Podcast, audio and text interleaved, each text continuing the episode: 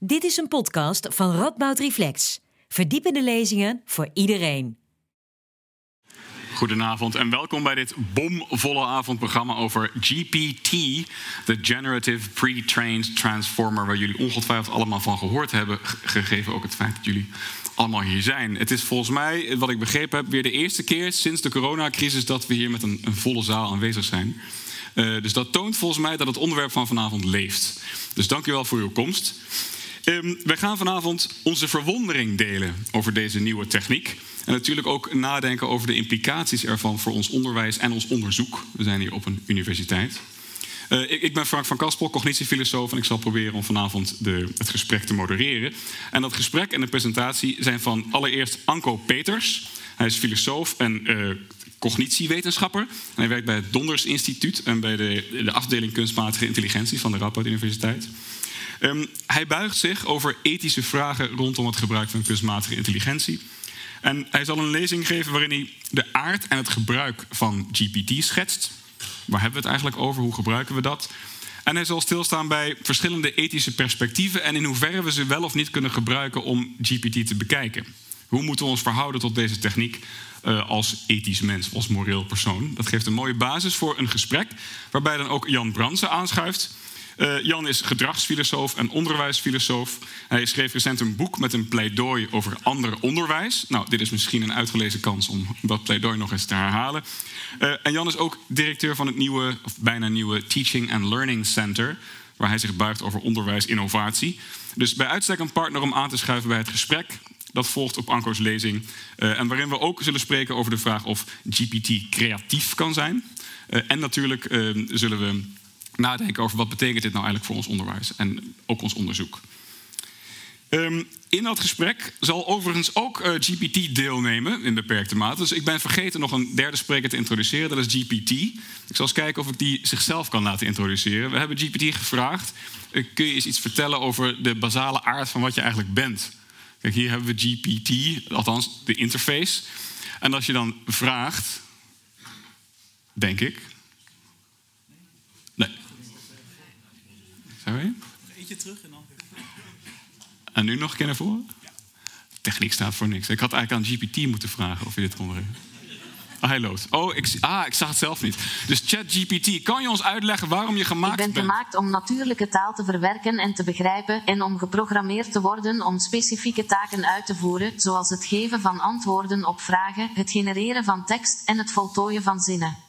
Mijn doel is om mensen te helpen bij het automatiseren van taken die normaal gesproken veel tijd en moeite kosten, zoals het schrijven van documenten of het verwerken van grote hoeveelheden gegevens. Nou, Dank u wel, GPT, dat is de eerste stap. U merkt, er zit een stem bij. Die stem die is niet inbegrepen bij GPT, die hebben we zelf toegevoegd. We zullen overigens verschillende stemmen gebruiken gedurende de avond... om niet de indruk te wekken dat we hier een bepaalde uh, invulling maken... over de aard van GPT die verder gaat dan de technologische uitwerking ervan. Um, uh, dus GPT, welkom. Anko en Jan, welkom. En ik geef nu eerst de vloer aan Anko... en daarna gaan we het gesprek in met Jan erbij ook. Anko Peter. Ja. Goedenavond allemaal. Ik wacht nog even tot mijn presentatie tevoorschijn komt. Maar alvast heel fijn dat u met zulke grote getalen bent komen opdagen. Heel indrukwekkend. Um, misschien om maar meteen met de filosofische deur in huis te vallen, is dat ook een beetje problematisch. En dan bedoel ik niet dat u hier bent, dus vraag vooral uw geld niet terug. Ik zie de mensen van Radboud Reflex al uh, moeilijk kijken. Um, maar al die aandacht die we hebben voor ChatGPT, daar zijn we wat vraagtekens bij te, te zetten. En daar zal ik later in mijn lezing op terugkomen. Mij is gevraagd om iets te vertellen over de, de filosofische, over de ethische aspecten van ChatGPT en soortgelijke modellen. Um, zoals u ongetwijfeld heeft gemerkt, uh, je kan de krant niet openslaan of er is wel iemand die een artikel of column over heeft geschreven. Um, heel veel interessant, sommige dingen wat minder. Um, mijn doel van vanavond is om u uh, op tour te nemen door wat ik maar het filosofische landschap rondom ChatGPT heb gedoopt. U ziet hier een, uh, een routekaart. Um, mijn route is uh, vrij simpel. Ik heb drie stappen. De eerste stap is waar komt ChatGPT vandaan? De tweede, waar zijn we nu aanbeland? En de derde stap is waar gaan we naartoe? Wat zijn de vooruitzichten? Qua gebruik en qua implicaties. Om maar te beginnen met het begin. Ehm, ik wil iets zeggen over de, de werking van ChatGPT, zonder al te veel in de technische details te treden. Maar de technische details zijn uh, wel relevant voor hoe we erover nadenken. Um, ik zal kort iets zeggen over uh, de, de, familie van taalmodellen waar ChatGPT tot behoort. Uh, en tenslotte wil ik iets vertellen over de problemen die zijn opgedoemd met de creatie van ChatGPT en aanverwanten. Over de werking van, van ChatGPT. Um, ChatGPT is een uh, wiskundig taalmodel. Uh, dat wil zeggen dat uh, er zijn verschillende manieren om dit soort modellen te, te creëren. En een daarvan is om een model te trainen op basis van grote hoeveelheden data. ChatGPT is een generative transformer. En ik zal die twee termen kort toelichten. Het generative betekent dat het model op zo'n manier is getraind dat er veel data, in dit geval tekst, tegenaan is gegooid, zeg ik maar even oneerbiedig. Uh, daar staat natuurlijk heel veel technisch vernuft achter, hè. daar wil ik niet oneerbiedig over doen. Maar in beginsel is er een grote dataset waar ChatGPT op getraind is. Uh, er is ChatGPT niet verteld wat voor uh, categorieën of klassificaties zich in die dataset bevinden. Uh, dus de, de opdracht was: hier heb je een grote hoeveelheid data. probeer daar maar patronen in te ontdekken. Probeer daar maar associaties in te ontdekken. En dat gebeurt op basis van wiskunde, meer specifiek kansberekening. modellen zoals ChatGPT zijn in staat om op een zeker abstractieniveau uh, patronen te herkennen in bijvoorbeeld taal. Maar anders dan bij mensen, uh, wij kennen in ieder geval gedeeltelijk uh, grammatica-regels. Um, modellen zoals ChatGPT vinden soms associaties die niet per se analoog zijn aan hoe wij naar teksten kijken. dus wij delen Nederlandse zinnen bijvoorbeeld op in lidwoorden en zelfstandige naamwoorden. ChatGPT zal misschien andere associaties maken. Wat niet wil zeggen dat er niet uh, interessante dingen uit kunnen komen. dus heel concreet, um, we hebben een model dat is getraind op een ongelooflijke hoeveelheid data. Een groot deel daarvan komt van het internet. Uh, en als je zo'n model eenmaal getraind hebt, kun je daar uh, nieuwe tekst uh, tegenaan gooien. En dan wat ChatGPT doet is, het maakt een voorspelling op basis van de tekst die je hem geeft. Of het. ook daar kom ik later nog op terug. Er zijn verschillende varianten van uh, de taalmodellen zoals ChatGPT. Uh, ChatGPT is van uh, de stichting OpenAI. Um, Microsoft heeft daar een flinke vinger bij in de pap. Ik las gisteren dat Microsoft voor de derde keer een grote investering heeft gedaan. deze keer was het geloof ik 10 miljard dollar. dus hoe open OpenAI is, daar kun je je vraagtekens bij zetten. De concurrenten staan niet stil. Google, of het moederbedrijf van Google, Alphabet, heeft Lambda. Um, ik heb begrepen dat ze achter de schermen druk bezig zijn om uh, uh, dat verder te ontwikkelen. Um, en Facebook of, of, Meta, het moederbedrijf, heeft uh, het model Galactica. En Galactica is meer specifiek toegespitst op wetenschappelijke teksten. ironisch genoeg, of misschien niet ironisch genoeg, uh, de technologie-sector lijkt tegen een recessie aan te lopen. Je ziet dat al deze bedrijven en nog meer bedrijven duizenden banen aan het schrappen zijn, uh, wereldwijd. Tegelijkertijd zijn ook in ieder geval al deze drie bedrijven miljoenen dollars aan het investeren in kunstmatige intelligentie, in algoritmes en netwerken en modellen zoals ChatGPT. Dus ondanks de aankomende recessie vinden ze het belangrijk genoeg om hier verder mee in te gaan. Uh, dat betekent ook voor ons dat we daar misschien eens uh, voor moeten uitkijken.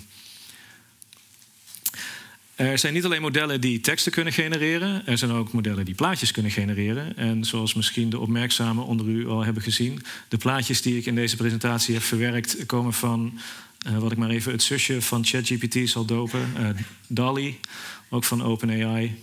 Um, ook daar kun je tekst aangeven en daar verzint het model een plaatje bij. Ik heb hier geprobeerd om uh, Google, Facebook en Windows of Microsoft in te verwerken. Mijn creatieve ideeën zijn in mijn hoofd iets uh, beter gelukt dan wat het model maakt, maar desondanks komt er iets uit. Uh, overigens, ook alle andere plaatjes in deze presentatie komen van DALI.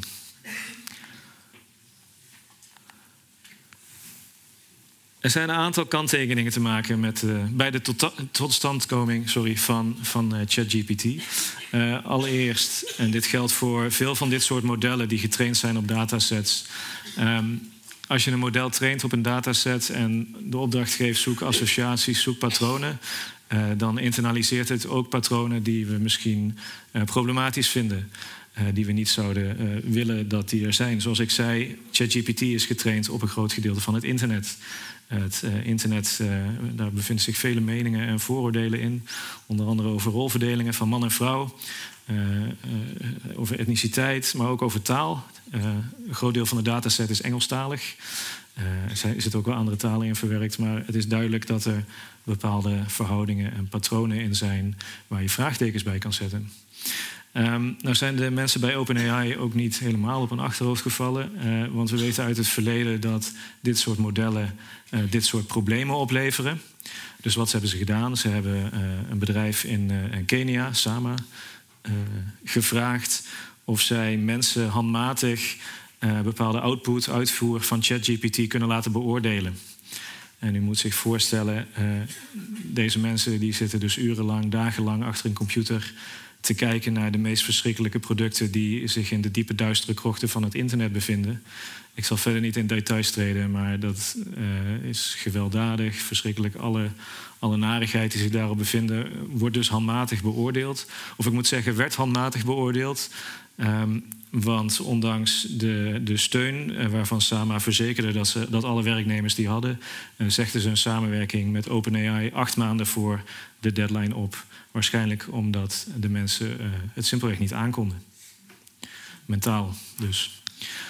Um, deze medewerkers verdienen ongeveer tussen de 1,30 dollar en 2 dollar per uur voor deze taak. De winst waarvan OpenAI verwacht dat ze die gaan maken, zal waarschijnlijk in Silicon Valley blijven. Topman Sam Altman van uh, ChatGPT uh, heeft ondertussen een andere soort oplossing verzonnen. Namelijk, misschien kunnen we dit handmatig eruit filteren van voordelen in een dataset, crowdsourcen. Oftewel, vragen aan de gebruikers van ChatGPT. ChatGPT is in eind november, begin december openbaar gemaakt. Iedereen kan een account maken. Um, en dat betekent dat ChatGPT nog meer data verzamelt over hoe mensen het gebruiken, maar ook hoe ze het beoordelen. Uh, er zijn duimpjes omhoog en naar beneden te maken bij de uitvoer die ChatGPT geeft. Um, ja, fantastisch natuurlijk voor OpenAI, veel gratis arbeid. Um, maar je kan je afvragen, uh, juist die mensen die in het dagelijks leven tot een minderheidsgroep behoren en vaker uh, tegen stereotypering aanlopen of op andere uh, manieren daarin benadeeld zijn, uh, zullen waarschijnlijk beter in staat zijn vanuit die geleefde ervaring om uh, de stereotyperingen van ChatGPT te doorzien. En meneer Altman nodigt hen dus expliciet uit om hieraan bij te dragen. Maar ja, je vraagt dus precies de mensen die toch al een extra last te dragen hebben om bij te dragen aan jouw bedrijf. Um, ik snap eerlijk gezegd niet dat hij zich niet kapot schaamt hiervoor. Um, de cognitiewetenschappers Berhane en Raji hebben hier een interessant artikel over geschreven, wat volgens mij gisteren of eergisteren is uitgekomen. Zoek het vooral op, zou ik zeggen. Goed. Waar zijn we nu eigenlijk aanbeland? Op, uh, ook op de routekaart, maar ook op het gebruik van, van ChatGPT. Je kan met ChatGPT van alles doen wat ook maar te maken heeft met tekstgeneratie of verwerking of, of brainstormen. Uh, je kan ChatGPT vragen om verhaaltjes te schrijven. Uh, je kan ChatGPT uh, vragen of eh, je een spelletje met het kan spelen. Bijvoorbeeld, um, ik wil iemand zijn die op een onbewoond eiland terecht is gekomen. Vertel me eens wat ik tegenkom en wat ik daarna kan doen. ChatGPT zal je dan door een verhaal leiden. En ook vragen wat je gedurende dat verhaal wil ondernemen. Um, je kan met ChatGPT brainstormen over een roman die je aan het schrijven bent. Bijvoorbeeld, geef mij eens een uh, selectie van personages die zich in dit verhaal op een bepaalde manier voortbewegen. Uh, welke achtergronden ze hebben, et cetera, et cetera. Welke relaties. Um, ik denk dat het daarbij goed is om op te merken dat het gebruik van ChatGPT niet neutraal is, zoals dat eigenlijk is met alle technologieën. Alle technologieën nodigen namelijk uit tot bepaalde soorten interactie en sluiten bepaalde andere soorten interactie af. Um, om het even iets concreter te maken. als u schrijft met een vulpen, um, zullen daar waarschijnlijk andere soorten teksten uitkomen dan wanneer u schrijft met een computer. Een vulpen nodigt uit om rustig na te denken over en tijdens het schrijven een denkproces. Uh, met een vulpen kun je niet zo makkelijk uh, uitwissen wat je geschreven hebt. We weten uit psychologische studies dat teksten geschreven met vulpennen, uh, dat de mensen die geschreven hebben veel meer geneigd zijn om tijdens het schrijfproces na te denken op alinea en paragraafniveau. Als je schrijft met de computer, um, zal je eerder geneigd zijn om met de tekst bezig te zijn op woord- en zinsniveau. Je kan makkelijk woorden uitwissen, je kan makkelijk zinnen kopiëren en plakken, dingen omdraaien en, en, aanpassen. En dat betekent ook dat je aandacht gericht is op andere delen van de tekst. Um, ik zeg niet dat het een beter is dan het ander, hoewel ik tegen studenten die scripties schrijven uh, nog wel eens de tip geef probeer eens gewoon met een collegeblok en uh, een pen te gaan schrijven, omdat je dan op een andere manier bezig bent met de tekst. Um, maar computers hebben natuurlijk een eigen voordelen voor het uh, produceren van tekst. Deze overweging, en we weten hoe dat werkt voor pennen en computers, um, moeten we meenemen als we gaan kijken naar ons gebruik van ChatGPT. We weten namelijk nog niet zo goed um, welke vorm van interactie ChatGPT ons toe zal uitnodigen. Als wij het bijvoorbeeld zouden inzetten in een schrijfproces. Um, en ik zeg niet dat we dat allemaal moeten doen. Mocht u daar meer over willen weten, dan kan ik het boek Story Machines aanraden. Um, waarin uh, met name voor romanschrijvers wordt nagedacht hoe zou je dit soort modellen kunnen inzetten. Uh, ik geloof dat we het straks gaan hebben over creativiteit uh, in het schrijfproces in ChatGPT. en daar zijn denk ik wel wat interessante vragen bij te stellen.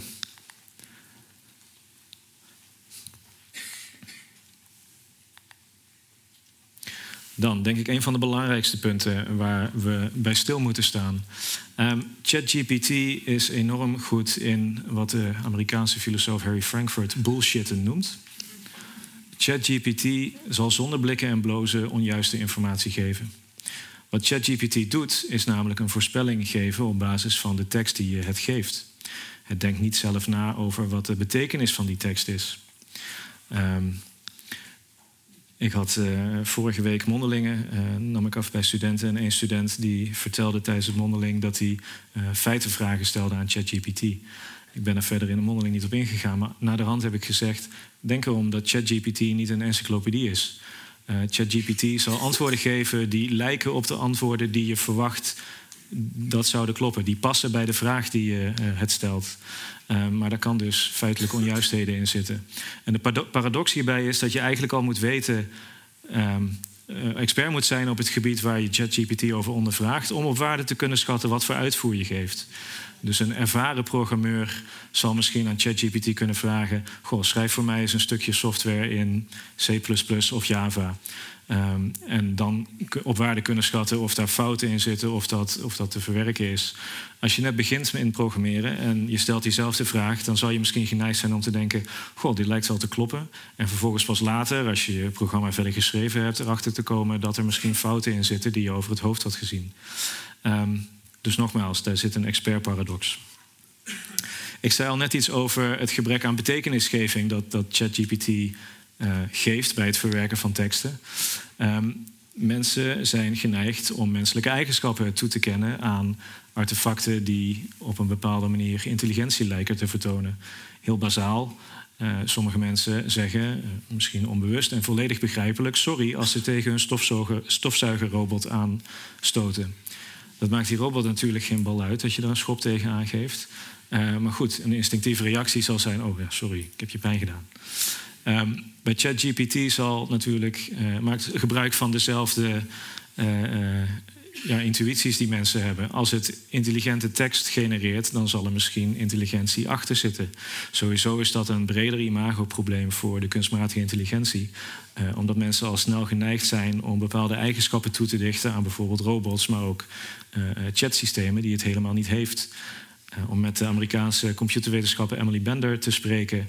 Uh, ChatGPT is een stochastic parrot. Op basis van kansberekening papagaait hij na wat hij al elders ongeveer heeft gehoord. Um, de Schotse techniekfilosoof Shannon Veller heeft daar een uh, mooi essay over geschreven. Um, namelijk dat begrip meer is dan een, een, sprong, een leap.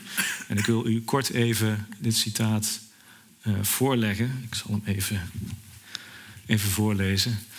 Understanding is beyond GPT-3's reach because understanding cannot occur in an isolated computational behavior, no matter how clever. Understanding is not an act, but a labor. Labor is entirely irrelevant to a computational model that has no history or trajectory in the world. GPT 3 endlessly simulates meaning anew from a pool of data untethered to its previous efforts. This is the very power that enables GPT's versatility. Each task is a self contained leap, like someone who reaches the flanks of Mount Everest by being flung there by a catapult. U heeft gezien dat ik een poging heb gedaan om deze metafoor uit te beelden. Ik kreeg Dali niet aan haar of zijn verstand gepeuterd dat mensen ook in katapulten kunnen zitten en daarmee de lucht in worden geschoten. Maar ik, ik heb uh, iets eruit weten te krijgen. Goed, begrip, tekstbegrip, maar ook nadenken is niet een sprong. Dat is een proces. Uh, in Australië heeft men ondertussen besloten dat uh, tentamens niet meer gemaakt worden met computers of essays niet meer geschreven worden met computers, maar met potloden.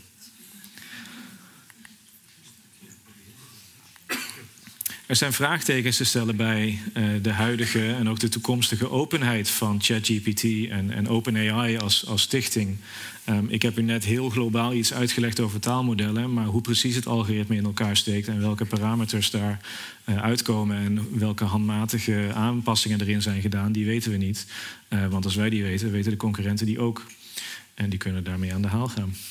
Uh, dat betekent dat daar van alles gebeurt. Uh, we gooien er invoer tegenaan, er komt uitvoer uit. Maar wat er onder de motorkap gebeurt, hebben we geen weet van. Uh, er wordt enorm veel data verzameld. Zoals ik zei, ChatGPT is nu voor iedereen toegankelijk. Al die miljoenen gebruikers die er nu zijn, leveren gratis arbeid aan OpenAI. En kan OpenAI gebruiken om het model verder te ontwikkelen en, en beter te maken. Uh, beter of effectiever is misschien het goede woord. Uh, dus als u uh, ChatGPT gebruikt, ga dan geen persoonlijke dingen delen, want de programmeurs van OpenAI kunnen meelezen. Um, en, en, dit is niet verzonnen, ze zeggen het ook zelf. Wij gebruiken en kijken naar de uitvoer om het model te verbeteren. Um, dan is er sprake van wat betekent het gebruik van ChatGPT voor toegankelijkheid en verschillen in de samenleving. Um, op een moment is OpenAI, is ChatGPT gratis. Uh, ongetwijfeld zit hier een verdienmodel achter. We weten nog niet precies hoe dat eruit gaat zien. Uh, gisteren of eergisteren werd bekend dat er misschien een abonnement gaat komen. Um, maar we weten uit het verleden dat technologiebedrijven die dit soort platformen opzetten, uh, heel erg bezig zijn in de beginfase om zoveel mogelijk gebruikers bijeen te rapen. En zodra iedereen heel erg gewend is geraakt aan het gebruik hiervan, om dan eens na te gaan denken over verdienmodellen. Uh, dus we moeten nu al nadenken over of we het willen inzetten en zo ja, hoe dan.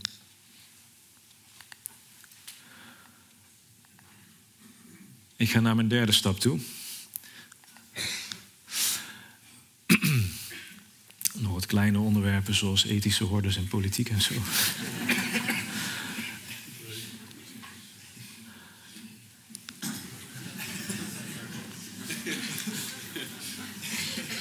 de, de ethici onder ons en ook degenen die misschien eens een college ethiek hebben gehad. De, de, er zijn wat ethische hordes op deze weg.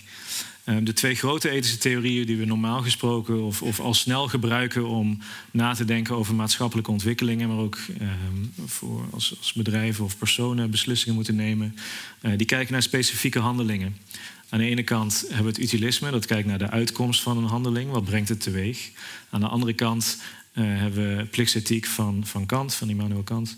Uh, die ons uitdaagt om te kijken naar het waarom van een handeling. Met welke intentie doe ik een handeling. Uh, maar allebei deze theorieën lopen in de context van technologieën uh, zoals ChatGPT tegen een muur aan. Het utilisme veronderstelt dat je een uh, wiskundige afweging kan maken over de, de kosten en baten van je, van je handeling of van je set van handelingen. Hoeveel levert het op? Hoeveel kost het je? Hoeveel plezier brengt het teweeg? Hoeveel pijn brengt het in de wereld? Dat kun je dan tegen elkaar wegstrepen. dat klinkt heel calculerend, dat is ook zo. um, maar in het geval van ChatGPT hebben we eigenlijk niet zo'n goed idee wat de uitkomsten gaan zijn. Gaan we ChatGPT invoeren in het onderwijs? Wat, wat brengt dat teweeg? Um, we kunnen daar wel een voorspelling over doen, maar niet op zo'n manier dat we die kosten-batenanalyse kunnen maken. Uh, Kant nodigt ons uit om na te denken over het waarom van een handeling door je de vraag te laten stellen: uh, kan ik wat ik nu zou gaan doen veralgemeniseren tot een algemene wet? Zou iedereen in deze situatie hetzelfde moeten doen? Mag ik een leugentje om eigen best wil vertellen? Kant zal zeggen nee, want als iedereen uh, om arbitraire redenen zou liegen, dan kunnen we elkaar niet vertrouwen. Maar ja, met welk verbeeldingsvermogen kunnen we ons voorstellen wat, wat het gebruik van ChatGPT teweeg zal brengen? Um, ik kan me niet een voorstelling maken die voldoet aan de rigoureusheid die Kant ons vraagt. Uh, als we nadenken over het inzetten van ChatGPT in bepaalde contexten. Um, er zijn science fiction schrijvers, de kunstenaars die daar zeker over na kunnen denken. En dat lijkt me ook een goed, goede verkennende stap om te doen, maar dat is niet de, de rigoureusheid die Kant ons vraagt. Ik uh, haal Shannon Velle weer aan. Zij nodigt ons uit om terug te grijpen op Aristoteles. En Aristoteles in zijn ethiek kijkt niet naar specifieke handelingen. Hij stelt in plaats daarvan de vraag: wat voor soort mens wil ik zijn? En het antwoord daarop is: um, je, je, je wil het meeste uit je leven halen door jezelf te ontplooien, door jezelf te ontwikkelen, door uh, je sterke punten uh, uh, aan te scherpen en je zwakheden daaraan te werken. En, en Veller zegt, die, die theorie, deugdethiek, is bij uitstek geschikt om in te zetten als we nadenken over nieuwe technologieën. Want je legt de focus niet op wat de technologie kan, maar op welke houding je wil aanmeten als je na gaat denken over je omgang met zo'n technologie. Um, bijvoorbeeld, we moeten nadenken over eerlijkheid en presentatie van de tekstproducten die we misschien gaan opleveren met ChatGPT als we uh, iets maken, zoals ik deze presentatie, moeten we misschien eens nadenken over uh, uh, wie heeft eraan bijgedragen en in welke rol en welk proces is daaraan vooraf gegaan. Misschien moet het accent verschuiven van de producten die we opleveren naar het proces waarin we naar die producten toe zijn gegaan. Um, Veller merkt ook op dat in de technologie sector deugden een rol spelen die um, uh, misschien niet wenselijk zijn. Het, is bijvoorbeeld, het wordt als een deugd gezien als iemand veel start-ups opstart en daarin door blijft gaan totdat uh, de start-ups niet meer werkzaam blijven en het dan maar weer achter te laten. Um, het is heel competitief. En misschien moeten we eens nadenken over andere vormen van hoe we technologie ontwikkelen. Bijvoorbeeld in termen van coöperatie, samenwerking. Um, ik denk deze, deze vraagstelling, deze uh, manier van denken kan nuttig zijn als we nadenken over hoe willen we ChatGPT, als we dat willen, in het onderwijs inzetten. Welke houding willen we leerlingen en studenten bijbrengen als ze omgaan met dit soort technologieën? Dan is er natuurlijk een politieke context. Um, ik heb net al wat opmerkingen gemaakt over OpenAI, gratis arbeid, marktwerking. Um, OpenAI is op een moment gratis. Uh, maar het vaart heel erg wel bij de, de hype, bij alle aandacht die we aan bijvoorbeeld ChatGPT geven. Uh, daar kwam mijn opmerking aan het begin vandaan. Um, ik kan me voorstellen, en dat is heel begrijpelijk, dat u vanavond of morgen denkt van, oh ja, ChatGPT ziet er interessant uit, ik ga ook eens zo'n account aanmaken.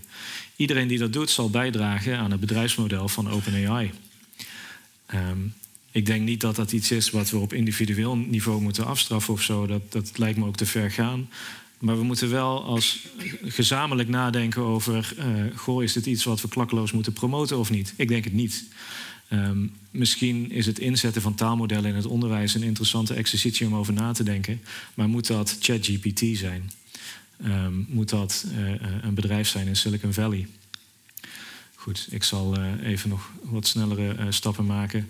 Wat ik wel nog wil benadrukken is uh, dat een vorm van interactie die ChatGPT uitnodigt, is dat we nog meer meegaan in markten denken. Dat we nog meer meegaan in denken van, oh, we kunnen onze output verhogen, we kunnen meer schrijven, we kunnen meer artikelen produceren.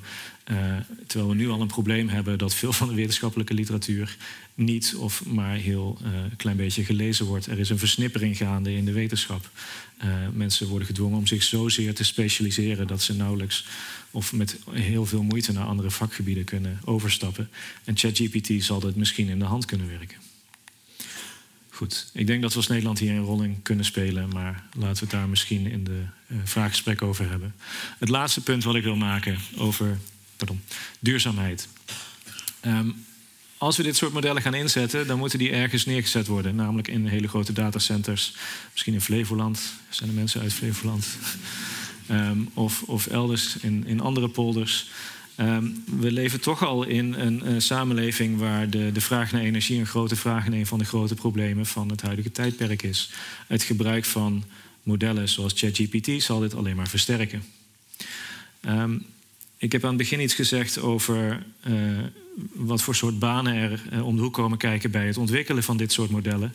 Uh, maar je kan ook na gaan denken over hoe worden bestaande banen misschien uitgerold als ChatGPT wordt ingezet.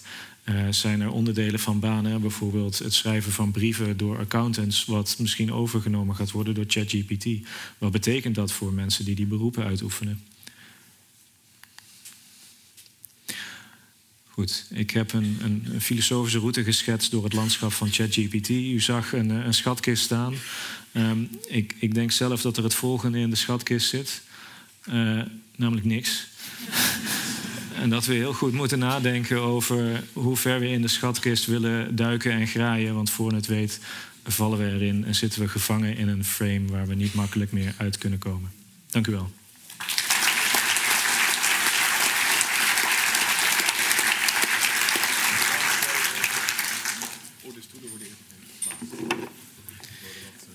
Waar mag ik zitten? Hier?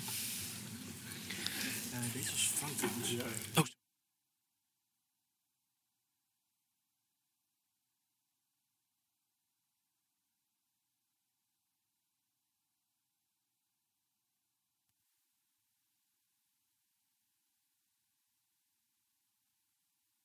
beeld geschetst? Nou, daar weet ik, we gaan het over hebben, Anko. Wel een beetje. Ik, ik, had water, maar ik weet niet. Is... Uh, denk dat die nog... Die is ongebruikt. Oh ja, ja.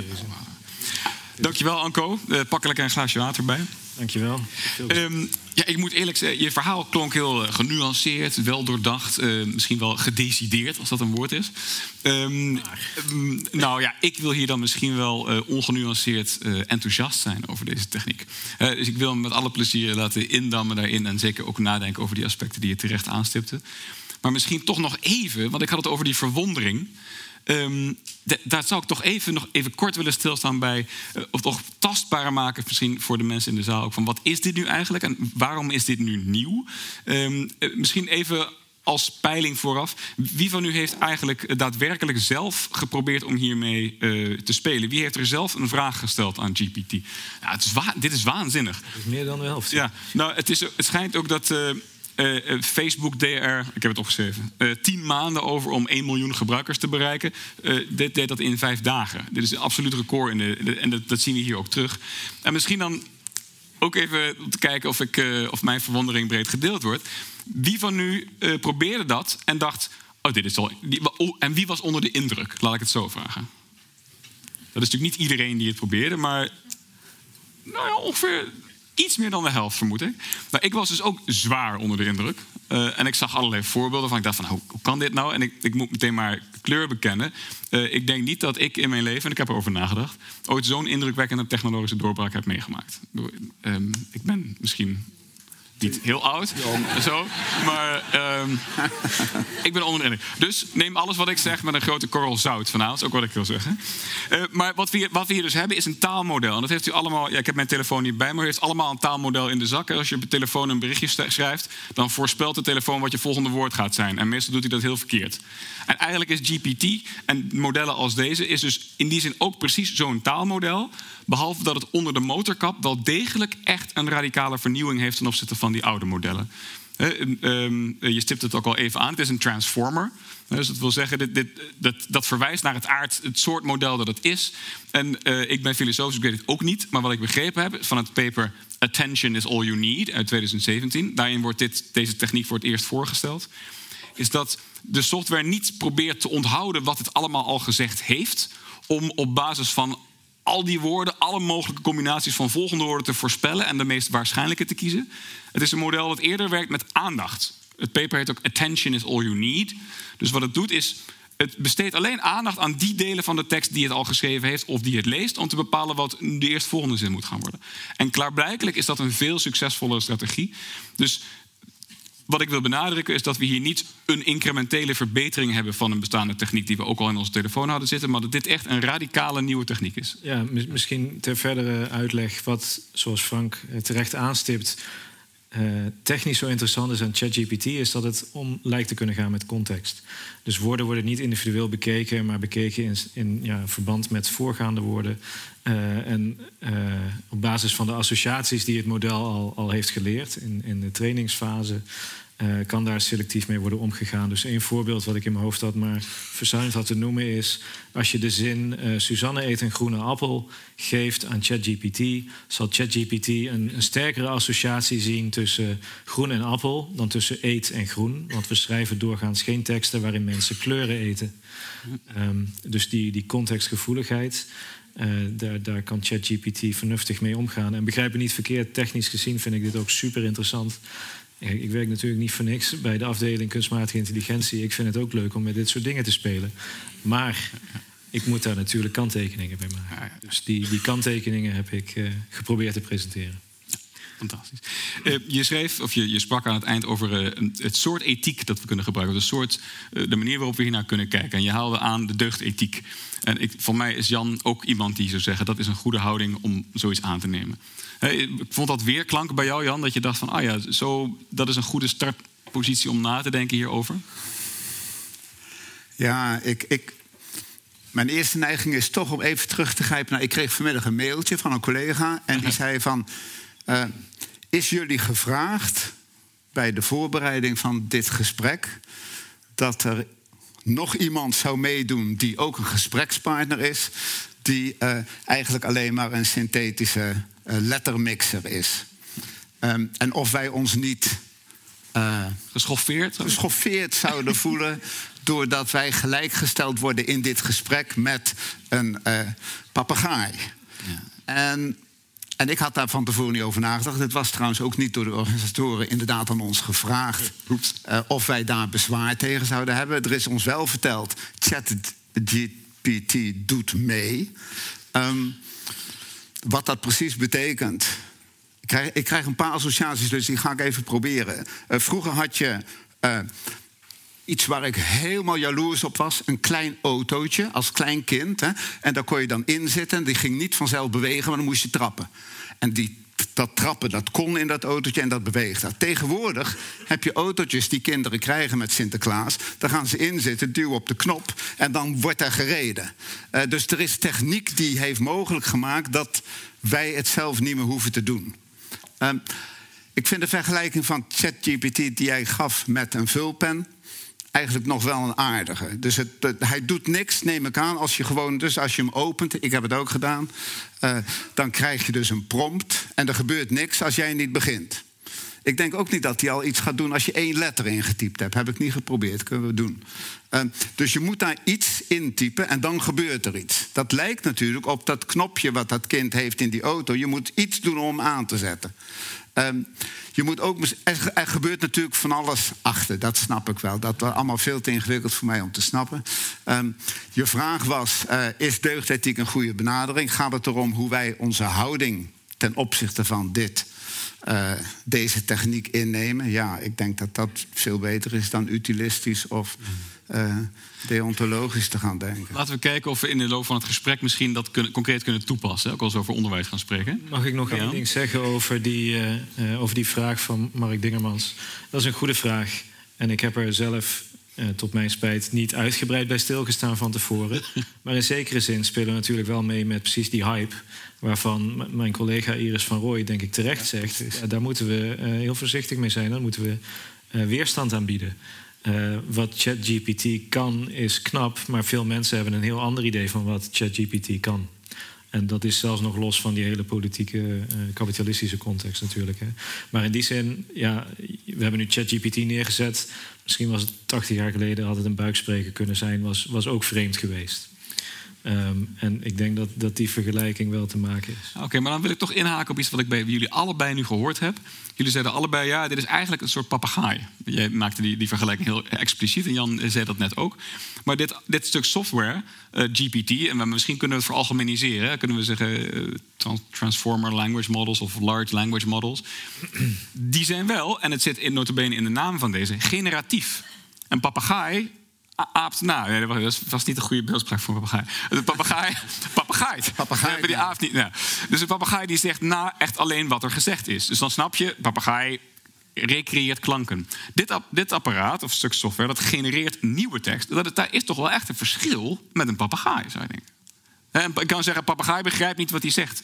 Maar waarom begrijpt dit apparaat niet wat hij zegt? Je hebt daar een citaat over laten zien, maar misschien kunnen we daar even iets dieper op ingaan. Ja, dat is inderdaad uh, goed. Overigens weet ik niet of we papegaaien tekort doen door het te vergelijken met ChatGPT. Er zijn, er zijn papegaaien die uh, uh, misschien meer verstand hebben van wat ze zeggen en doen dan ChatGPT. Mm -hmm. Goed, dat, dat gezegd hebbende. Um, het generatieve in Generative Transformers slaat trouwens op het feit dat je niet van tevoren al klassificaties meegeeft aan het model als je oh, okay. Dus het genereert de of ja, het zoekt de patronen in de dataset die je geeft. Ah, maar het genereert inderdaad ook tekst. Dus in die zin klopt het. Um, en, en wat het doet is heel uh, ja, formulegewijs. Stel dat je bijvoorbeeld... Ik, ik had elders gelezen en ook begrepen dat hier uh, docenten middelbaar onderwijs in de zaal zitten. Um, ik had begrepen dat sommige docenten ChatGPT gebruiken... bij bijvoorbeeld het voorbereiden van lessen. Uh, en dat ChatGPT dat redelijk kan doen, zeker als je dat dus in het Engels doet. Want er zijn talloze voorbeelden van te vinden op het internet. Um, en op het moment dat je een dataset hebt waarin zo'n zo'n vraag of zo'n formule van een lesmodel staat, zal je iets krijgen van ChatGPT dat die formule lijkt te volgen. Um, een minder geslaagde poging van mij was rond 5 december jongsleden toen ik een Sinterklaasgedicht vroeg aan ChatGPT. Um, dat zag er keurig uit in het Nederlands, maar het kan niet rijmen. Niet in het Nederlands, althans. Ja. Um, maar wat het doet is die formule invullen. Dus je, je hebt een model, zo ziet een Sinterklaasgedicht eruit, zo ziet een, een lesmodel eruit. En dan maakt het een voorspelling op basis van woorden of contexten die vaak voorkomen, eh, afhankelijk van de vraag die je hem stelt. En hoe is dat precies anders dan hoe mensen reageren? Ja, als ik aan ChatGPT iets vraag en hij lijkt een op dat moment adequaat antwoord te geven, en dan zeg je ja, maar hij doet het op basis van, uh, van teksten die hij interpreteert. En dan geeft hij een soort iets dat hij denkt dat logisch is. Waarom is dat niet wat mensen doen? Wij kunnen buiten het model stappen. Sorry Jan. Ja? Nee, nee, nee, ga je gang. Wij, wij, kunnen buiten het model stappen wat ons gegeven wordt. En ChatGPT, uh, ik zal niet zeggen dat het niet kan, maar de standaard is dat hij het model, dat hij de formule volgt. Um, als je ChatGPT gebruikt om te brainstormen of om na te denken over een onderwerp, zal ChatGPT jou de standaard uh, kaders geven. Dat maakt het ook riskant om ChatGPT in te zetten om bijvoorbeeld na te denken over wetenschap. Want wetenschap daagt nu precies uit om de kaders te bevragen. Terwijl ChatGPT uh, de status quo versterkt. We gaan langzaam naar creativiteit toe, volgens mij. Maar ik wil nog even aan Jan vragen. Denk, denk ik jij... Wil, ik wil hier graag op reageren, omdat jij zegt van... Als, we chat, als ik ChatGPT iets vraag... En vragen is een werkwoord, hè, wat, wat wel iets betekent. En, en wat het vooral betekent is dat het een onderdeel is van een pragmatiek. Dus ik denk dat als je naar taal kijkt, dan moet je snappen dat er een verschil is. En iedereen, iedereen die met taal bezig is, weet dit. Ik weet er niet meer dan genoeg van, maar wel een beetje. Je hebt pragmatiek, je hebt semantiek en je hebt syntaxis. Um, als je een, zo'n ding iets vraagt, vraag je natuurlijk eigenlijk niks dat je die act van jouzelf vragen noemt en, en die letters die eruit komen antwoorden noemt, is dat je doet alsof er sprake is van pragmatiek. Ja, ja, als... Pragmatische interactie tussen jouzelf en de techniek. Ja. Als je datzelfde zou denken met een pen, dus je, je pakt een pen beet en je vraagt aan de pen: heb ik je niet te, heb ik je niet te strak beet? dan begrijp je dat het beetpakken van een pen iets anders is dan het beetpakken van jouw hand. Ja. Ik, ja. dus, dus het is echt een interactie waarbij uh, de pragmatiek maakt dat vragen vragen betekent en antwoorden antwoorden. Nou, ik vind het interessant dat je dit zegt, maar volgens mij verraad je een bepaalde assumptie de, waar je al van uitgaat om deze conclusie te trekken. Want ik denk dat er, ik snap dat je zegt, hè, een, een, bepaalde zin heeft een syntax en een bepaalde betekenis, maar het gebruik in context, dus de pragmatische context, maakt uit. En jij zegt, ja, een pen heb je, zeg je ook niet dat er een context is waarin die pen een antwoord geeft. Maar ik denk dat er een verschil is tussen die pen, waarmee jij zelf een antwoord schrijft, en GPT, dat jou onafhankelijk van jouw acties verder een antwoord genereert en, en voorschotelt. En ik, ik, je punt dat je zegt, ja, daar zit geen. Uh, je ziet het verkeerd, daar is geen sprake van een context. Dat wil zeggen, je vraagt niks aan een persoon of een, of een entiteit die betekenis begrijpt. Dat Dus punt snap ik, maar dat veronderstelt. interactie. Dus Ja. er is.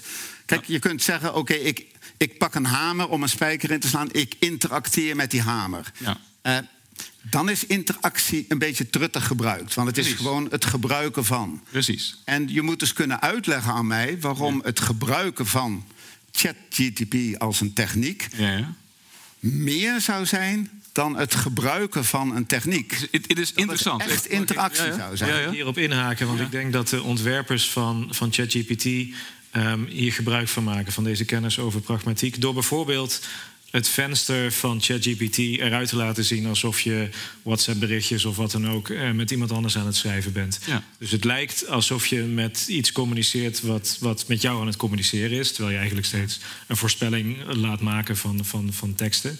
Ehm, maar die, die pragmatiek van je bent aan het chatten met, met iets of iemand, daar, daar heeft iemand bij OpenAI gegarandeerd over nagedacht. Ja, natuurlijk, maar toch denken dat er een cruciaal verschil is tussen een instrument en ChatGPT. Ja, natuurlijk, je kunt het gebruiken als een instrument, maar het is, het is niet zozeer als een rekenmachine waar je je rekenwerk ehm, door laat doen, maar je bent zelf de berekening aan het doen. Eh, dit is meer, het is, ik zou zeggen, het is meer een uitbesteden van je werk dan het doen van je werk met een instrument. En wat voor werk heb je in gedachten? Het schrijven van een beleidsdocument bijvoorbeeld. Schrijven. Nou, ja, beleidsdocument, nou, ik, ik, heb. eh, achter elkaar, want daar, daar zit mijn syntactisverhaal. Het is het achter elkaar plakken van letters. Waarbij je een bepaalde grammaticale regelmatigheid vertoont, Ja. maar niet eh, de regels van de grammatica aan het volgen bent. Ja. Ook niet eh, aan het communiceren bent. Nou ja, dat, dat betwijfel ik dus. Want ik heb wel het gevoel, en dat is ongetwijfeld zo bedoeld, ook door de programmeurs, dat ik met een intelligent Natuurlijk, je hebt apparaat. eh, nee, niet dat ja, gevoel. Ja, ja, en dat komt ook omdat je jarenlang zelf getraind bent. Dus niet getraind zoals GPT, maar getraind doordat je met andere mensen echt gesproken hebt. Doordat jij een taal je eigen gemaakt hebt. Dat heb je ook altijd gedaan, alleen maar in een pragmatiek. Je bent niet begonnen op een gegeven moment met te denken... oh, ik moet deze reeks letters eens achter elkaar plakken. Nee, nee, precies. Nee, je pakte een autootje en mama zei van... dat mag niet, Frank. Ja. Eh, en dan zei oei. Ehm, snap je? Dus dat is in, in, een, in een handeling waarin dingen mogen en niet... Ont Ja. heb jij taal je eigen gemaakt. En dat je nu bedrogen kan worden door, door zeg maar, hè, de... de, de GPT, en GPT heeft niet dezezelfde historie. Die is niet, op zo'n manier opgevoed. En is ook niet, dus dat zou jij zeggen, niet belichaamd. Dat zou ik ook zeggen. Maar dat vind je ook een belangrijk aspect, hoor. Nou ja, niet verder belichaamd dan een server ergens eh, in Amerika of Europa. Maar de, de, de vraag die hieronder lag was: hoe creatief kan het zijn? Hè? Goed, En ja. De reden waarom ik vroeg naar ehm, wat voor soort werk, en jij zegt schrijven, ik denk dat dat nog niet specifiek genoeg is. Het maakt uit hoe je schrijft en, en wat je aan het schrijven bent. Bijvoorbeeld. ehm, Denk je eerst zelf na over wat je ongeveer wil gaan schrijven en leg je dat dan voor aan ChatGPT voor, voor feedback? Feedback. Ehm, of ga je naar ChatGPT en zeg je: Goh, ik wil een, een les over eh, topografie in Europa eh, doen. Eh, geef mij eens wat aanknopingspunten. Ehm, het verschil is namelijk dat je het initiatief of bij jezelf of bij ChatGPT legt. Ehm, hoe je daar vervolgens in dat proces, en ik denk dat dat heel belangrijk is, het gaat om het proces, omgaat met ChatGPT, maakt uit voor hoe creatief dat proces wordt. Of ChatGPT dan zelf creatief is, ik weet niet of daar een antwoord op mogelijk is, maar ik weet ook niet of die vraag interessant is. Ik denk dat het proces wel creatief kan worden in gebruik met ChatGPT. Daar is dat boek over geschreven wat ik, wat ik noemde. Je kan bijvoorbeeld aan ChatGPT voorleggen. Ik ben bezig met, met een verhaal. Eh, er is eh, een prins die gered moet worden uit een toren. En er is een, een, een dappere vrouw die hem komt redden. Ehm, hoe, eh, u ziet waar ik mee speel. Wat, wat voor obstakels gaat zij op haar weg tegenkomen? Nou, dan zal ChatGPT zeggen... Een, eh, een draak, een troll en een, een magische storm of zo. Nou, en dan kun je eens doorgaan van... oh, die derde optie vind ik interessant. Enzovoort, enzovoort. Dat proces is denk ik creatief te noemen... en ChatGPT kan daar een bijdrage aan leveren. Ehm, maar om te zeggen dat ChatGPT dan zelf creatief het is. Kan, het kan zo ver gaan. Hè? Uh, ik, bij de vakgroep van Jan, waar ik deel van uitmaak, uh, organiseren we vakgroepbijeenkomsten. En daar, daar, nodigen we sprekers uit die iets zeggen over filosofie van gedragswetenschappen. En ik heb toen een keer aan GPT gevraagd: zou jij daar als spreker kunnen optreden. En toen zei GPT, nee, want ik ben een taalmodel en zo. Nou, maar toen zei ik, nee, maar stel nu dat ik je zou willen vragen om een, om, een, om een voordracht uit te schrijven daarvoor. Wat zou ik jou dan moeten vragen? Wat zou mijn prompt aan jou moeten zijn om jou een een voordracht te geven voor een, een onderzoeksbijeenkomst van gedragsfilosofen. En toen gaf hij vrolijk een lijstje met zes topics die ik aan hem zou kunnen vragen, waar hij dan een vrolijke verhaal over zou kunnen vertellen. Ik denk, hoe, op een gegeven moment is dit initiatief toch echt volledig bij GPT. Hoef ik echt niets meer te doen. GPT maakt geen afspraken met jou, hè? Dus uh, je zal niet kunnen zeggen: hey, je had me beloofd om dit en dit te vertellen, als hij het dan vervolgens. Nee, nee, nee. nee. Ja, ja. Het, het, is puur een voorspelling. Um, dus ik denk dat we dat echt, echt goed in het uh, achterhoofd moeten houden. Laten we even naar GPT gaan. Want we hebben iets voorbereid. Om, omdat het soms wel eens overbelast is, de server, hebben we dit van tevoren opgenomen. Dat was die eerste vraag. En dan konden we ook uh, een stem erbij doen. We hebben gevraagd aan GPT: ben je creatief? En dat hebben we in het Engels gedaan, overigens, omdat toch in het Engels de antwoorden af en toe beter zijn dan in het Nederlands. Um, grotere corpus in het Engels waar hij op getraind is. Uh, maar Adriaan gaat het voorlezen. Nee, sorry, het, is, het wordt voorgelezen. Ja, precies. Ja. De buikspreker. As a language model, I am able to generate text based on the patterns and information in the data that I was trained on. However, I do not have the ability to be creative in the same way that a human does. I am able to generate text that may appear creative to a reader, but it is based on patterns and information from the training data, not on my own imagination or original ideas. Oké, okay.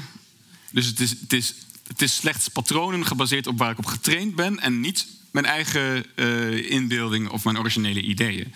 Denken jullie dat het uh, accuraat is of doet GPT zichzelf tekort? Ik denk dat het goed is dat hij een voorzichtig antwoord geeft. Uh, zoals ik nu ook doe.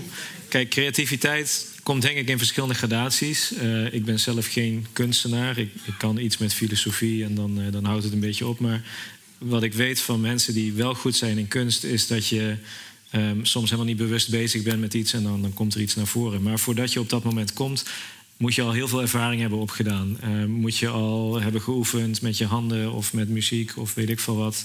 Uh, voordat je op een punt komt dat je verder kan gaan dan de standaard uh, patronen waar je in zit.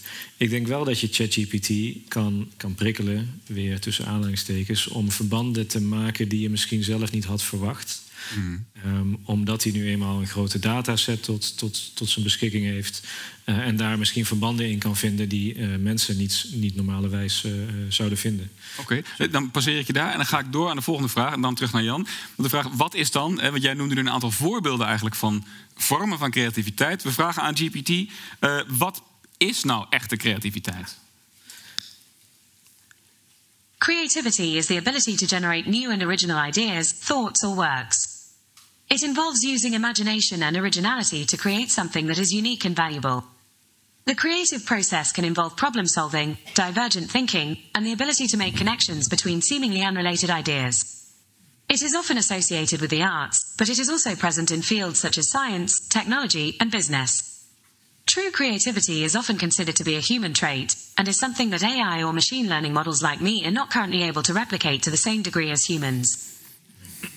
Oké, weer een wel bescheiden antwoord.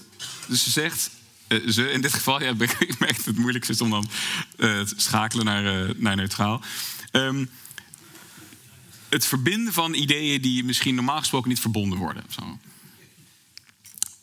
Fantastisch. En dat is precies wat jij noemde namelijk.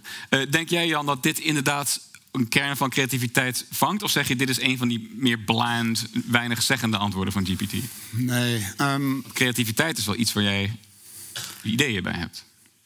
Jawel, maar kijk, een kwestie die mij nu verbaast is... waarom vinden we creativiteit zo belangrijk oh. in dit geval? En waarom zou creativiteit nu als het ware de, het beslissende verschil moeten zijn tussen dit en dat?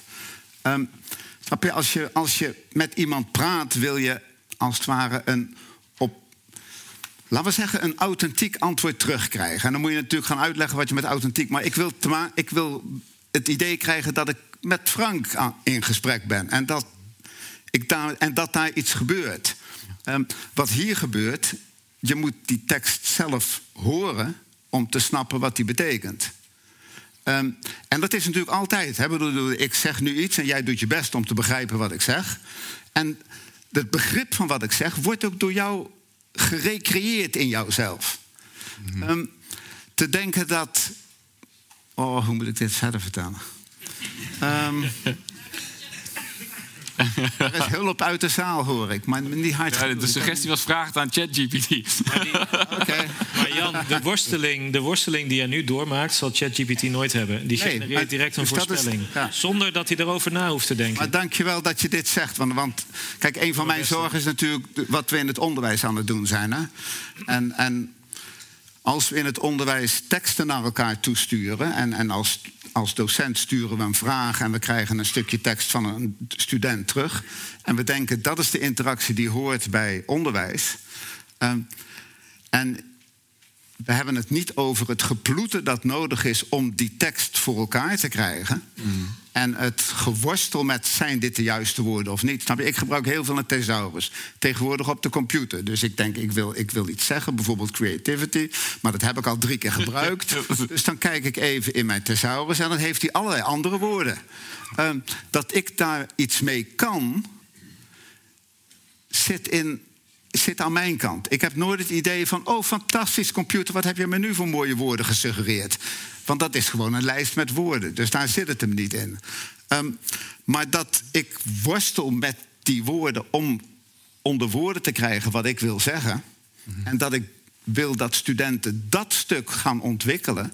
Dat ze dus gaan oefenen met taal. Dat ze beter worden in taalbegrip. Dat ze beter worden in zelf onder woorden kunnen brengen wat ze onder woorden willen krijgen. Eh, daar zit voor mij de uitdaging voor onderwijs in. En dat betekent ook dat het, het worstelen met het onder woorden krijgen van, het vinden van de juiste woorden, dat dat het werk is. Nou, dit is fantastisch. We maken de brug naar onderwijs. GPT laten we even voor het. De tijd vliegt. Ehm, want de vraag die rijst misschien bij onderwijzers ook in de zaal is... eh, hoe kunnen we nu nog toetsen? En jij zegt, we kunnen nu toetsen door een tekst van een student te vragen... want dat garandeert dat die student door het proces van tekstschrijven heen gegaan is. Ja, die garantie dat, is nu dat weg. zeg ik dus juist niet.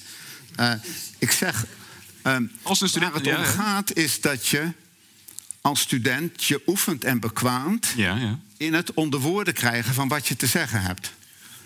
Ehm, En dat kan je- in een tekst, Als je toch? dat kunt uit, nee, kijk, als je dat kunt uitbesteden aan ChatGPT. Nee, dus dan nu krijg kan je die expert-paradox. hè? Dus je moet al weten wat je wil zeggen voordat je het goed kunt opdracht geven aan ChatGPT. Nu kan je het als het ware heel slordig. Je hebt helemaal niet goed genoeg nagedacht. En je denkt, en, want je leest bovendien alleen maar de vraag van de docent. Dus het moet iets te maken hebben met creativity en iets met ChatGPT en nog iets met filosofie of zo. En je typt dat erin en er komt iets uit. En je hebt geen zin om dat te lezen, want lezen is sowieso al niet iets wat je nog heel veel doet tegenwoordig. Nee. Eh, je laat dat dus door ChatGPT lezen. Ja. Oh ja. Dan kan je zelf gewoon op vakantie. De docenten kunnen ook op vakantie. En, en al die computers kunnen met elkaar het onderwijs doen. Ja, Dat is eigenlijk fantastisch. Ja, nee, ja, ja, ja. nee dus het, het- ik ben het heel met je eens. In de huidige situatie kunnen we niet meer op basis van een tekst die een student inlevert iets beoordelen. Eh, om, om het ook maar te- even sterk te maken, of geval dat het voor mij echt het punt binnen, binnenhamerde, is dat ik een tentamen heb gepakt dat ik zelf heb gegeven aan studenten eh, in de coronatijd. Dus dat was een take-home tentamen. En ik heb de vraag gepakt, een Nederlandse vraag over een obscuur punt in, eh, in Gilbert Ryle's tekst, eh, The Concept of Mind. Dat was dus de vraag die het slechtst gemaakt was door studenten. Die heb ik gepakt, in GPT gegooid en er kwam een antwoord uit waarvan ik zeker weet dat ik er volle punten voor had gegeven. Ehm, dus in- inderdaad, meteen, ja, we kunnen nu niet meer op teksten varen of zo. Dus er is nu acuut iets veranderd. Dus dan rijst de vraag, eh, hoe kunnen we nog toetsen?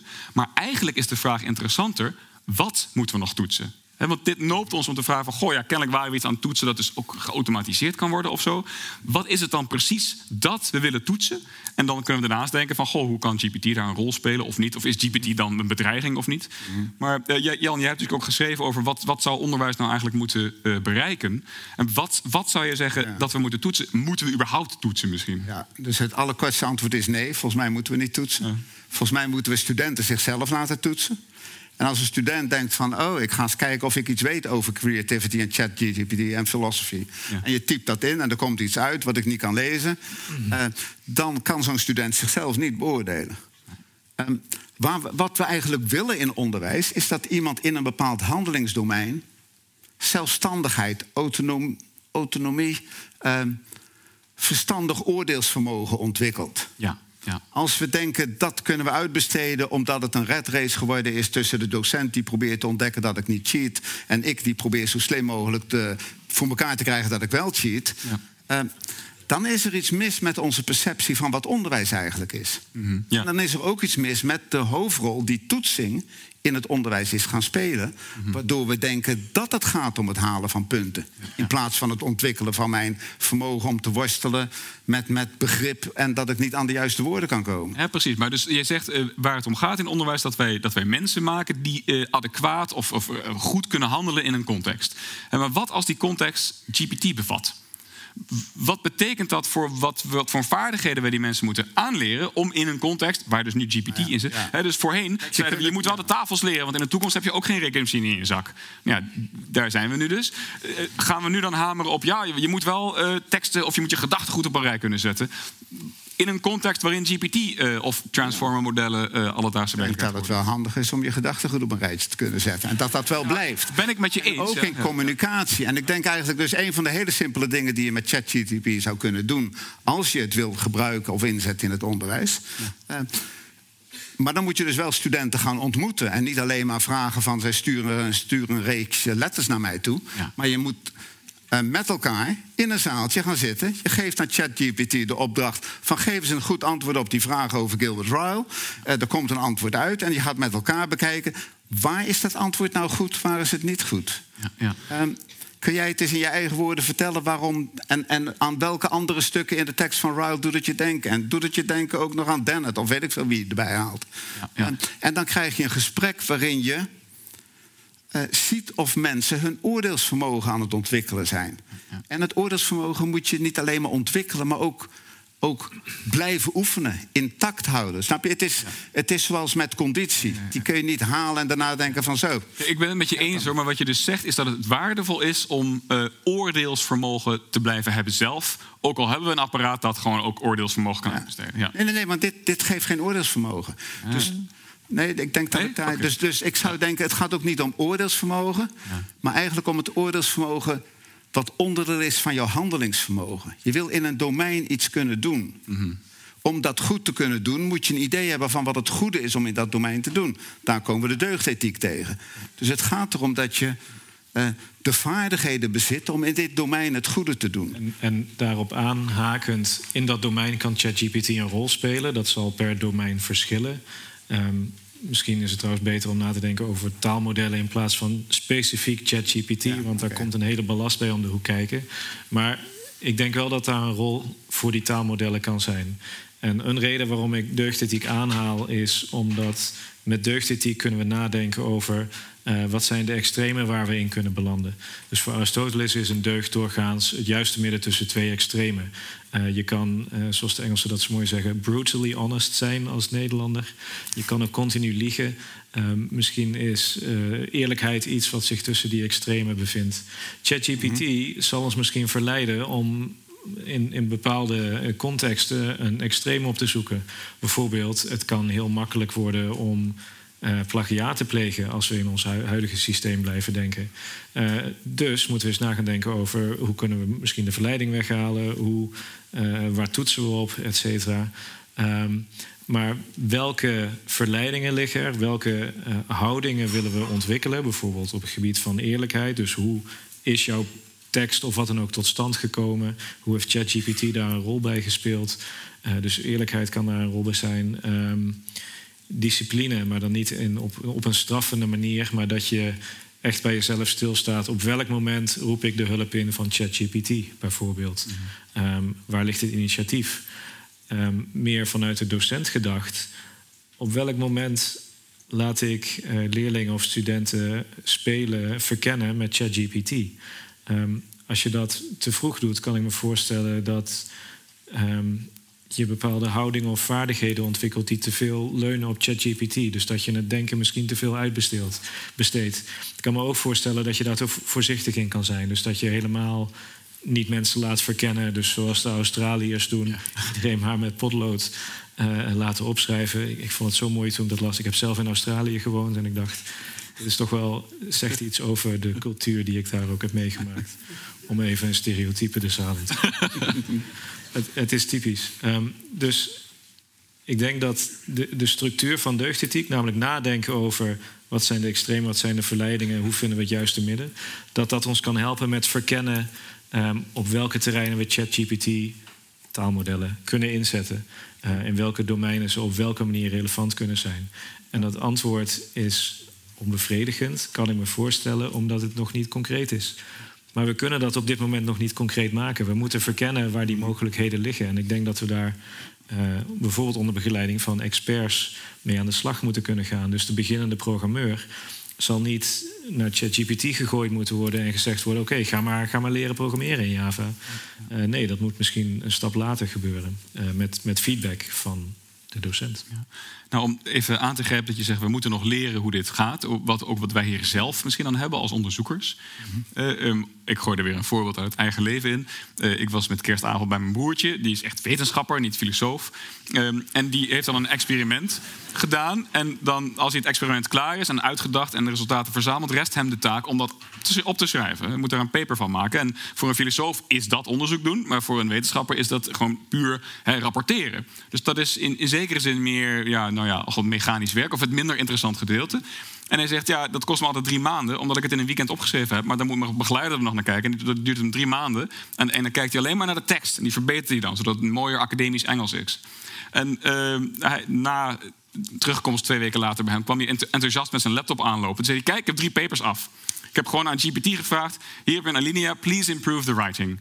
En hij liet me heel enthousiast zien het verschil. En het was fantastisch. Niet dat hij slecht Engels schrijft, maar de, de, de finale tekst was perfect. Uh, en zijn vrouw had hetzelfde idee. Ze zei: dat is helemaal goed. Dus um, dat soort toepassingen beginnen nu te komen. Er zijn conferenties die expliciet dit gebruik van GPT toestaan. Die zeggen, als je een abstract instuurt... ja, we merken dat we een, een bepaald vooroordeel hebben. Abstracts die in slechter Engels opgesteld zijn... Die, die wijzen we eerder af, ondanks dat de inhoud ook goed is. Dus we staan nu iedereen expliciet toe... om hun abstracts door GPT heen te halen weer een nieuw gebruik. Ik kwam gisteren, uh, de, uh, Adriaan komt mijn kantoor binnen en zegt... ken je illicit.org? weer reclame voor een of ander bedrijf waarschijnlijk, excuus hiervoor. Dat is een AI Research Assistant die zich dus koppelt met systemen als GPT. En je kunt aan, uh, stel dat je denkt als onderzoeker... ik wil graag onderzoek doen naar het verband tussen... Weet ik wat, het, het bezoek van, van Radboud Reflects... nou, dat zal te specifiek zijn, maar het verband tussen, tussen traplopen en, en het risico op hartaanvallen of zo. Hè? Dan vraag je dat aan Illicit en dan krijg je een lijst met de meest geciteerde artikelen daarover. Een samenvatting van die artikelen. Uh, mogelijke hiaten in onderzoek waar je mee aan de slag kan. Dus uh, elke dag kom ik weer iets nieuws tegen waarvan ik denk, ook als onderzoeker. Dus niet alleen als docent moet ik nu mijn cursus aanpassen. Maar ook als onderzoeker moet ik mijn onderzoekspraktijk maar eens gaan aanpassen. Want er is opeens ook zoveel nieuws mogelijk. Uh, maar aankomen misschien dan op jouw punt, want ik, ik begrijp, ik ben alleen maar enthousiast en zo. Um, uh, ja, het een beetje. Ja, nu kan iedereen dus uh, elke dag een nieuw review paper schrijven. Uh, wie gaat die allemaal lezen eigenlijk? en, en heeft het dus nog waarde dat we die schrijven? Want ja, ja. Maar Frank, dat is denk ik precies het risico wat we, ja. wat we niet moeten willen. Hè? De, de, die, die marktwerking die we in het wetenschappelijk bedrijf hebben... van hoe meer papers je genereert en, en maakt, wie leest die nog? Mm -hmm. um, ik, ik twee, één of twee weken terug uh, vertelde, of was ik zo hard op aan het denken met iemand over, ja, je kan ChatGPT gebruiken om wetenschappelijke papers makkelijker of sneller te schrijven. Wie gaat dat lezen? En uh, de brainstorm uh, kwam naar voren. Nou, we kunnen natuurlijk ook een taalmodel maken dat de door een ander taalmodel geproduceerde artikelen gaat lezen, samenvatten, wat dat ja, ja, ja. En voordat je het weet, heb je, wat Jan net al zei, een wetenschappelijk bedrijf waarin het ene taalmodel dingen genereert, het andere taalmodel samenvattingen maakt. Dat is toch niet... gaan wij gewoon iets anders doen. Dus het lijkt mij best een idee. Ja, ja dat is, toch niet hoe we onze kennisproductie willen, willen uitbesteden, denk ik. Maar het is precies ook het failliet van, van, van van op deze manier over onderwijs en ook onderzoek na te denken. Alsof het gaat om het resultaat Precies. dat de vorm heeft van een tekst. Echt, echt Daar gaat het helemaal niet om. Dus dat wij als wetenschappers ergens iets van snappen of ergens iets in een handelingsdomein, zeg ik maar weer even, iets kunnen. Dat ik als chemicus, wat ik niet ben, uh, de juiste spulletjes bij elkaar in een flesje kan gooien en dat er dan iets gebeurt, precies wat ik wou. Uh, dat is een vaardigheid dat ik die kan leren aan de hand van teksten. Dat ik die kan rapporteren in de vorm van teksten. Uh, wil nog niet zeggen dat het gaat om de productie van die teksten. Dus die teksten zijn een hulpmiddel. We kunnen weer even naar Aristoteles voor de deugdethiek. Uh, kijk, bij, bij Aristoteles hebben we het principe van rechtvaardigheid eigenlijk niet nodig. Want rechtvaardigheid is een deugd. Dat is precies de, het vinden van het midden tussen onrechtvaardig zijn aan de ene kant en onrechtvaardig aan de andere kant. Ik heb nu geen zin om die twee kanten uit te werken, dat schiet me ook niet te binnen. Um, maar als je dat midden probeert te vinden, dan moet je dat veel oefenen. Je kunt beginnen te oefenen door van de docent of van de meester of van, van jouw voorganger uh, een principe van rechtvaardigheid. Bijvoorbeeld hè, als je als jaar bent, je mag de taart aansnijden, uh, jij mag als laatste een stukje pakken. Uh, dus je moet zorgen dat ze allemaal even groot zijn, want anders dan krijg jij het kleinste. Uh, dus je krijgt een vorm van rechtvaardigheid. Als die rechtvaardigheid eenmaal als een deugd in jou gevestigd is, doordat jij veel geoefend hebt, kun je dat principe weggooien. Want dat principe doet het werk eigenlijk niet. Mm. Nou, dat zijn de teksten die wij in het onderwijs gebruiken en de teksten die wij in de wetenschap gebruiken. Die doen zelf het werk niet. Mm. Ze moeten gelezen worden en geschreven worden. Maar dat lezen en schrijven, dat is de activiteit van begrip. Ja, dat Als we dat gaan uitbesteden. Dat er randvoorwaarden er moeten zijn om, om die verandering te kunnen maken. Als wetenschapper word je vaak, en dat is nu, men, men probeert dat aan te passen, beoordeeld op je output en citaties. Mm um, ik kan me voorstellen dat scholen geneigd zijn om te kijken naar hoeveel mensen slagen met welk cijfer. Um, dat is heel begrijpelijk, want data kun je kwantificeren, objectiveren. En uh, dat, dat, dat maakt het makkelijker om naar grotere aantallen te kijken. Maar als je uh, het doel gaat verwarren met het middel. En uh, heel erg gaat, gaat inzetten op belonen van, van bepaalde gemiddelde cijfers. Dan jaag je iedereen die uh, toch al onder werkdruk onderhevig is, precies in de armen van OpenAI. Ja. Uh, die dan zegt, nou, we hebben hier een tool wat alles nog makkelijker kan maken en jouw output kan verhogen. Precies, dus het gaat niet om output, hoor ik jullie beiden zeggen, eigenlijk maar om het aanleren van een ambacht in zekere zin. En dus niet dat je, je ja, moet niet alleen bewijzen. Maar eigenlijk zelfs om het oefenen van de ambachtelijkheid. Ja, dus en, niet het aanleren, maar het ook onderhouden, het blijven doen. En dat we onszelf de vrijheid geven om te kunnen doen. Um, dat we dus mensen waarderen op, op andere dingen dan, dan die citaties of wat dan ook. Ja, ja, ja. En het gaat ook niet. Ik heb een soort voor mijzelf favoriet voorbeeld om duidelijk te maken dat het niet om de resultaten gaat. Ik weet niet of je wel eens sudoku's maakt. Die maak ik in een boekje. Ja. Achterin staan alle oplossingen. dus als het mij om de resultaten ging, dan zou ik natuurlijk gewoon heen en weer kunnen bladeren en ik dat boekje zo uit. Um, Waardoor je precies snapt dat het gaat om juist dat geploeter. Dat maakt het leuk om een sudoku te maken. En die die vorm, die, die, die passie en de engagement voor de inspanning, voor het ploeteren, die moeten we onze studenten nou, fantastisch. En dat onszelf gewoon duidelijk maken. Dit moesten we al. En ik denk dat GPT het nu uh, urgenter ja, maakt. Dit zet het heel, helemaal op, op scherp. We moeten nu echt aan de slag met die, die, dat, die ploeterzucht bij studenten aan, uh, aanwakkeren. Ja. okay. Okay. Um, Ploeterzucht. Of dat mijn conclusie? Nee, oh, dat is niet jouw conclusie. Ik spreek hier niet. Uh, nee. Hartelijk dank voor uw aanwezigheid. wat fijn dat u er weer was in zulke grote getalen. Uh, oh, nou, er komt alsnog een, uh, een Eurovision Song Contest uh, waarin een Philosopher's Praise gezongen wordt. nou, geniet u even van. Houd u de website in de gaten. Radboud Reflex. ru.nl slash. En tot de volgende keer. Dank jullie wel, heer. Bedankt. Ja.